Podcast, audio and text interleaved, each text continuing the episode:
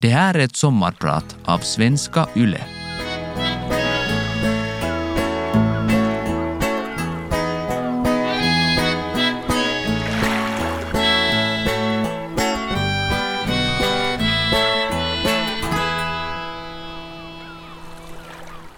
Det är få förunnat att sommarprata två somrar i rad.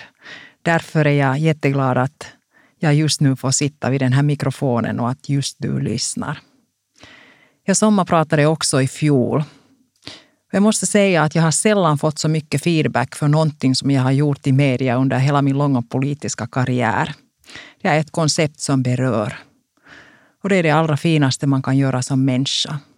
Beröra och bli berörd. Jag tror faktiskt att det är en av meningarna med livet. Förra sommaren talade jag om människor, ställen, rörelser och fenomen som jag älskar. Och jag berättade också om den magcancer som jag drabbats av och som jag två gånger har blivit frisk ifrån. Jag sa också att om cancern kommer tillbaka en tredje gång så tänker jag ta kampen ännu en gång. Cancern kom tillbaka, som många av er vet. I januari i år, några månader före vårens riksdagsval, blev jag sjukskriven och senare sjukpensionerad. Och jag fick tyvärr erkänna att jag den här gången inte kan gå en kamp med cancern. Den har spritt sig på ett sätt som gör att jag inte kan bli frisk. Den fina vård jag nu får handlar istället om att göra livet så fint och smärtfritt som möjligt den tid jag har kvar. Idag har jag tänkt tala om de tankar och känslor som rör sig inom en när man är i min situation, när man vet att livet obönhörligen går mot sitt slut. Mitt namn är Marit Feltranta och idag är jag din sommarpratare. Idag ska jag som sagt tala om hur livet ser ut och är för någon som vet att livet snart tar slut. Eller hur jag uppfattar att livet är i den här situationen. Det finns säkert många som skulle få ångest av att veta att döden kommer smygande. Men jag måste säga att jag har upplevt det som en nåd att jag har fått ta långa avsked av mina nära och kära och haft tid på mig att ordna upp allt, stort och smått. Jag har alltid försökt lära mina barn att allting i livet har sina sidor. Ingenting är svartvitt och ingenting är så hemskt att det inte skulle finnas något positivt i det hela. Inte ens i döden. Jag tycker att det skulle vara otacksamt av mig att jämra mig över min situation. Jag har ju trots allt fått tio fina år efter att jag för första gången drabbades av cancer. Mycket grymmare skulle det vara att dö en snabb död, snabbt tryckas bort utan någon som helst förvarning och utan möjlighet att ta farväl av alla nära och kära. För mig har det varit väldigt trösterikt att jag har haft möjligheten att i lugn och ro ta avsked av alla de människor som har varit viktiga för mig. Jag har kunnat sortera mina foton och bilder och göra minnesalbum till mina barn. Jag har kunnat ordna med allt möjligt praktiskt för att göra framtiden så lätt som möjligt för mina anhöriga. Så lätt det nu kan vara eller kan bli i en sån här situation. Den starkaste känslan jag känner mitt i sorgen är tacksamhet. Och allt det som gör mig tacksam, det ska jag tala om om en liten stund. Men först vacker musik på norska. Vad är du rädd för? Jag har fått göra och jag har gjort just de saker som jag har velat göra, både som privatperson och i jobbet. Saker som har känts viktiga och meningsfulla. Det är jag mycket tacksam för. Mitt liv har varit fullt av höjdpunkter, men också av motgångar och problem förstås. Tillsammans bildar de en helhet som idag känns helt naturlig när jag ser tillbaka. Händelser som då de skedde kanske var svåra att förstå och acceptera känns idag helt självklara. Det ena skulle hända för att det andra skulle ske. Tillsammans blir det ett helt liv. Mitt liv har inte varit en dans på rosor. Det har säkert innehållit mer än genomsnitt av sjukdomar, död, olyckor och skilsmässor. Men också mycket kärlek och lycka och fantastiska människomöten. Och inte minst påverkningsmöjligheter. Jag har fått ett stort förtroende av väljare i många kommunal och riksdagsval och genom det kunna påverka och förverkliga mina ideal och mina drömmar om att vara med och bygga en bättre och rättvisare värld. På lokala planet, på nationell och på internationell nivå. Också det är jag mycket tacksam för. När jag ser tillbaka på mitt liv känner jag att jag kan och får vara stolt över mig själv. Jag har fyllt min uppgift som människa, trots alla mina fel och brister. Mitt motto har alltid varit en dag ska jag dö, men alla andra dagar ska jag leva. Och det har jag gjort. Jag minns att min mamma frågade mig en gång när jag var barn om jag förstår vilken lycklig människa jag är eftersom jag nästan alltid är glad. Då förstod jag inte riktigt vad hon menade, men idag gör jag det. Jag är tacksam att jag får vara en människa som ser glaset som halvfullt, inte halvtomt. Folk har stor respekt för döden och många har svårt att tala om den. Men andra vågar fråga. Och det finns någon som har frågat om jag känner att jag har någon dröm som inte förverkligats, någon karriärmässig dröm som aldrig uppfylldes. Jag har aldrig varit en människa som har gjort upp långsiktiga planer. Och jag har heller aldrig grämt mig över vad som var eller aldrig blev av. Och nu när jag är i det här skedet där jag tittar tillbaka på mitt liv känner jag inte heller att någonting skulle ha blivit ogjort. Det känns faktiskt som att mitt liv är levt.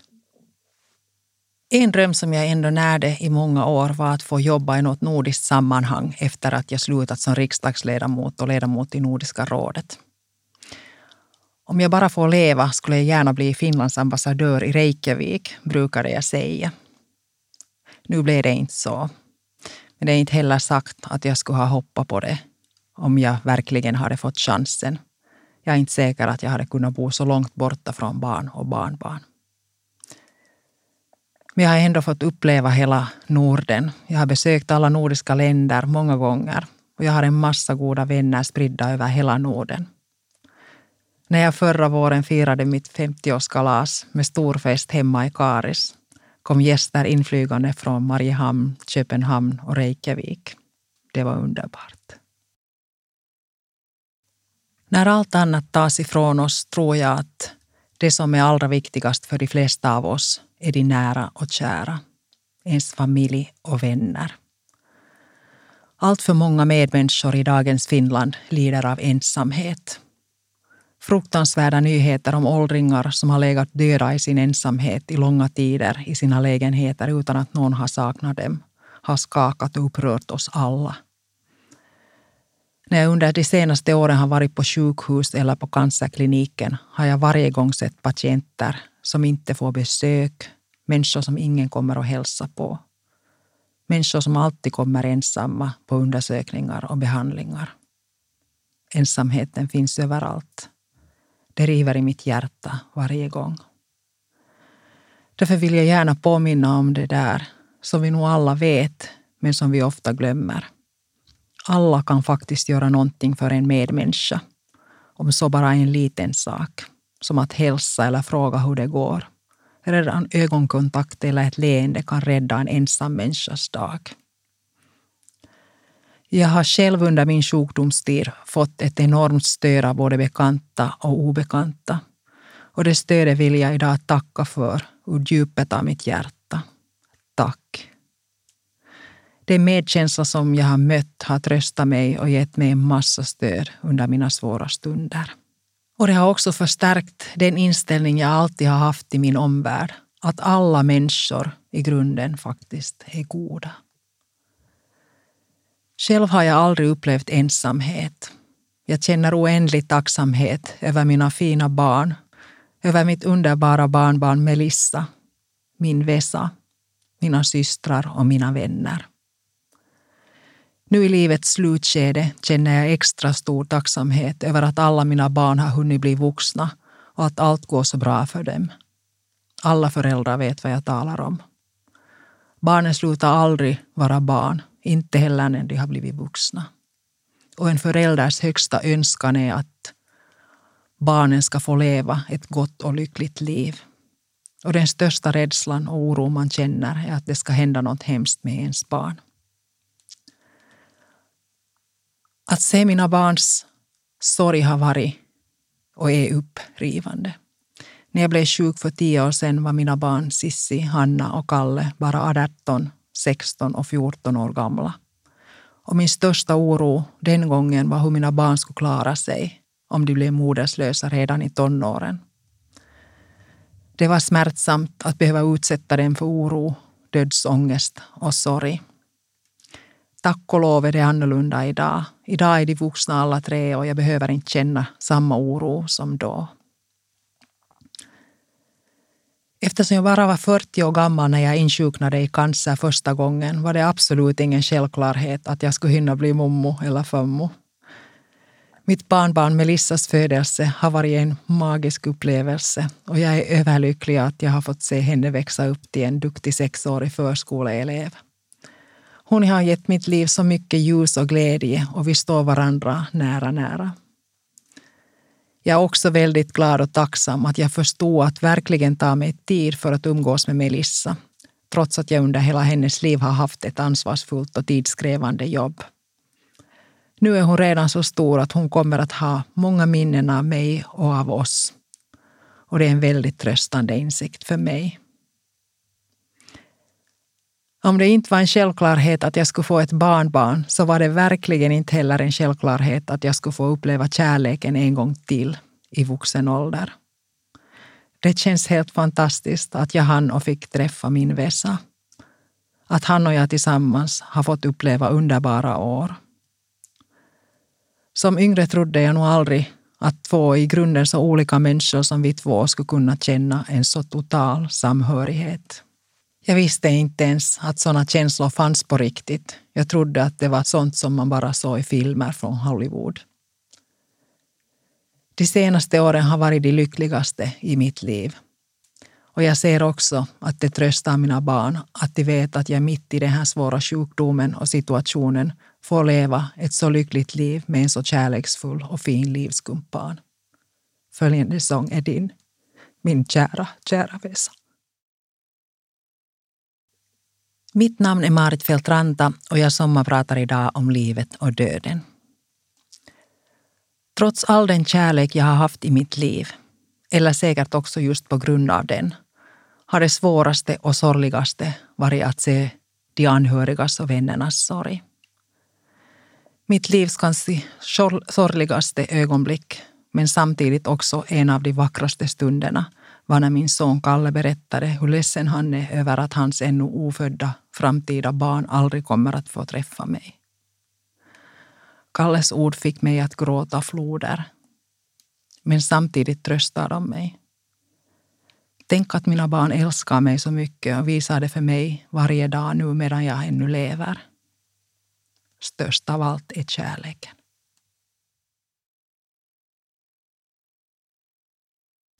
Det finns också mycket tröst i sorgen. När jag för mitt barnbarn Melissa berättade att jag har blivit allvarligt sjuk och inte längre kan gå till riksdagen på jobb började hon genast fundera på vad vi ännu ska hinna hitta på och hinna göra innan jag dör. Jag har gjort en minneslåda till Melissa. I den har vi tillsammans lagt ner skatter ur mitt liv. Sexåringens ögon tindrade när vi tillsammans gick igenom mitt liv och mina saker och la ner grejer i lådan. Vi vek ner en glittrande aftonklänning. I den har jag dansat på många roliga fester. På Slottspalen och på min kära vän Eros bröllop förra hösten. Ner i lådan satte vi också några medaljer för att påminna att Mommo ägnade en stor del av sitt liv till att jobba för samhället och för allas gemensamma bästa. En massa foton la vi förstås också ner i lådan. Bilder från våra gemensamma utflykter från stugan i Lappland och från alla möjliga vardagliga situationer. Kaffestunder på balkongen, när vi bakar i köket eller när Melissa är hos oss över natten. Barn sörjer väldigt naturligt och alla mina och Melissas träffar har varit fyllda av glädje, inte av sorg. Och det tröstar mig att veta att hon i framtiden kommer att öppna minneslådan, tänka på mig och på oss och kanske någon gång i framtiden dansa i mommos aftonklänning. I Melissas minneslåda la vi som sagt också ner några medaljer. Hennes favorit var det vita korset med guldkanter på ett rött silkesband. Medaljerna födde en intressant diskussion med sexåringen. Jag försökte förklara för henne vad ett hederstecken är och varför man får ett sånt. Jag sa att vissa människor som har gjort någonting fint och stort och viktigt för allas gemensamma bästa ibland kan få en medalj som tack och uppskattning för vad man gjort. Men jag sa också att långt ifrån alla som gör fina saker får utmärkelser. Många sådana som verkligen skulle förtjäna pris och medaljer blir utan. Jag var också viktig med att poängtera att man aldrig ska göra goda gärningar bara för att få beröm eller utomstående uppskattning.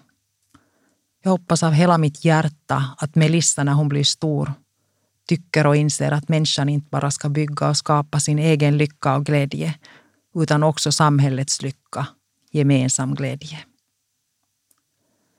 För det är just det som politiken handlar om, enligt mig. Allt det goda som finns runt omkring oss. Fred, demokrati, jämlikhet, sjukvård, omsorg, utbildning och säkerhet har fötts just ur den tanken. Att vi ska skapa något gott gemensamt så att alla får ha det så bra som möjligt. Förstås är långt ifrån allt bra i dagens Finland. Men bara om tillräckligt många tänker på andra, inte bara på sig själva, kan vi tillsammans bygga ett land där alla barn får utbildning, där alla sjuka får vård och där alla åldringar kan leva i trygghet på livets höst. Det har känts fint att få vara med på ett litet hörn och jobba för de här idealen. På några månader har mitt liv förändrats drastiskt. Från det stora livet med senater och kongresser och riksdagar och dagspolitik till det lilla, lugna privata livet. Nu är mina arbetsuppgifter slutförda och den tid jag har kvar njuter jag av sällskapet av mina nära och kära, av solsken, av lugn och ro. Och av bra böcker. De fortsätter att ge nya tankar och insikter och tröst. Jag skulle gärna läsa en dikt för er av den finlandssvenska poeten Viola Renvall. Jag tycker att den säger allt. Den allra sista gången. En gång är den allra sista gången.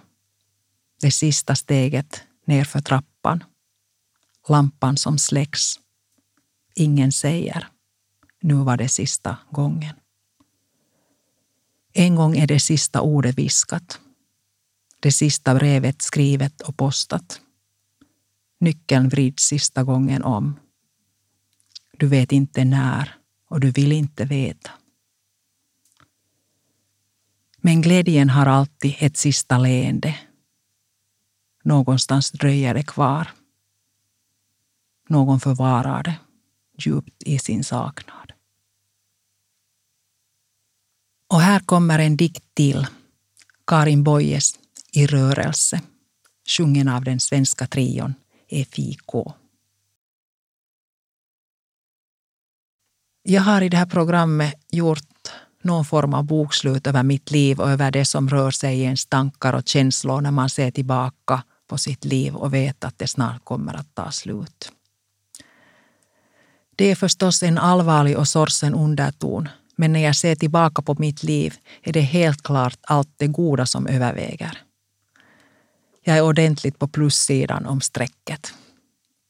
Förstås skulle jag aldrig ha önskat mig själv eller någon annan levande människa ett sånt här öde.